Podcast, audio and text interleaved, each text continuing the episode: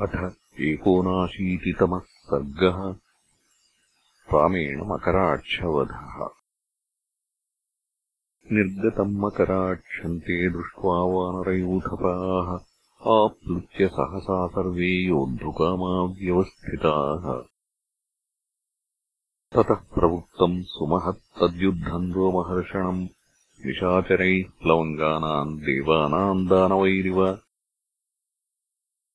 वृक्षशूलनिपातैश्च शिलापरिघ्रपातनैः अन्योन्यम् मर्दयन्ति स्म तदा कपिनिशाचराः।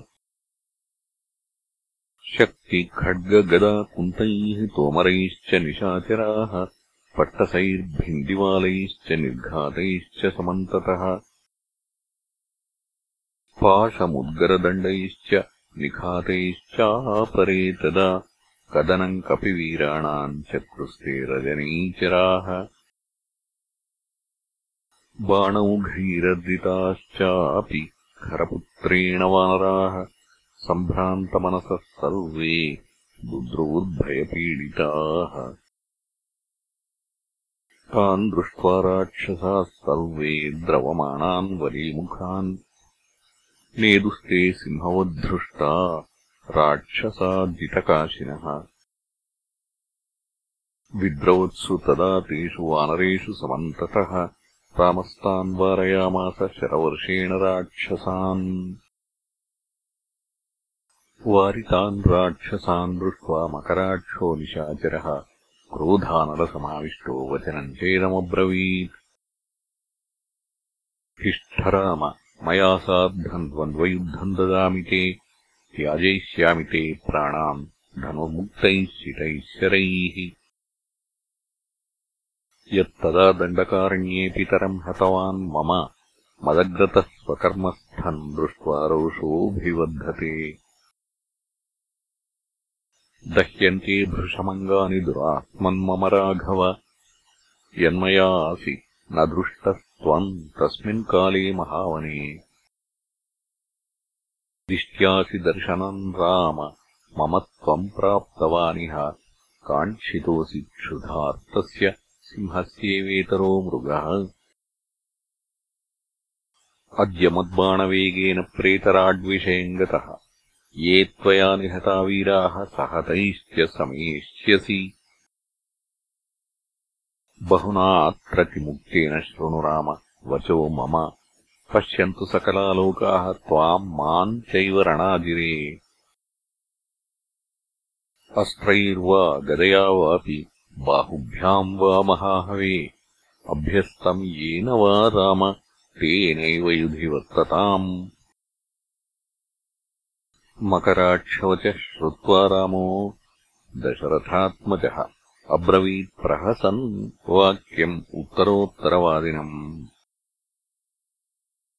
कथसे किम् वृथा रक्षो बहून्यसदृशानि तु। न रणे शक्यते जेतुम् विना युद्धेन वाग्बलात्। चतुर्दशसहस्राणि रक्षसाम् त्वत्पिता च यः। त्रिशिरादूषणश्चैव दण्डके निहता मया।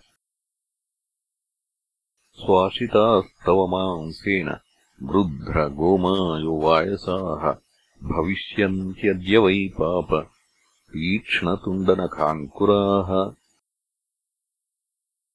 राघवेणैव मुक्तस्तु खरपुत्रो निशाचरः। बाणौघान् अमुचत् तस्मै राघवाय रणाजिरे तान् शरान् शरवर्षेण रामश्चिच्छेदनैकधा। निपेतुर्भुवि ते छिन्नारुक्मुखाः सहस्रशः। तद्युद्धम् अभवत् तत्र समेत्यान्योन्यमोजसा रक्षसः खरपुत्रस्य सूनोर्दशरथस्य च जीमूतयोरिवाकाशे शब्दोद्यातलयोस्तदा धनुर्मुक्तः स्वामोत्कृष्टः श्रूयते च रणाजिरे देवदानवगन्धर्वाः किन्नराश्च महोरगाः अन्तरिक्षगताः सर्वे द्रष्टुकामास्तदद्भुतम्। विद्धमन्योन्यगात्रेषु द्विगुणम् वर्धते परम्। कृतप्रतिकृतान्योन्यम् कुरुतान्तौ रणाजिरे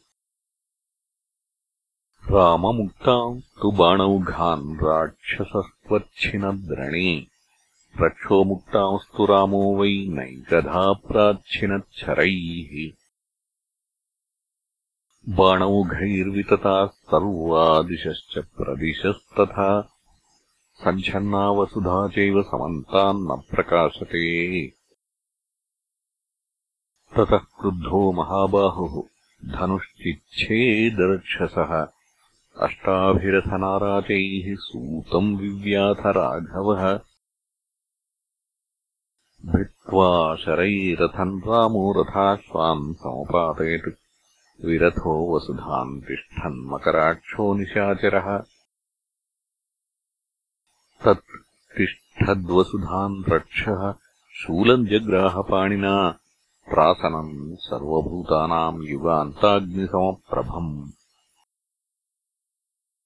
विभ्राम्यतु महत्शूलम् प्रज्वलत्तन्निशाचरः सक्रोधात् प्राहिणोत् तस्मै राघवाय महाहवे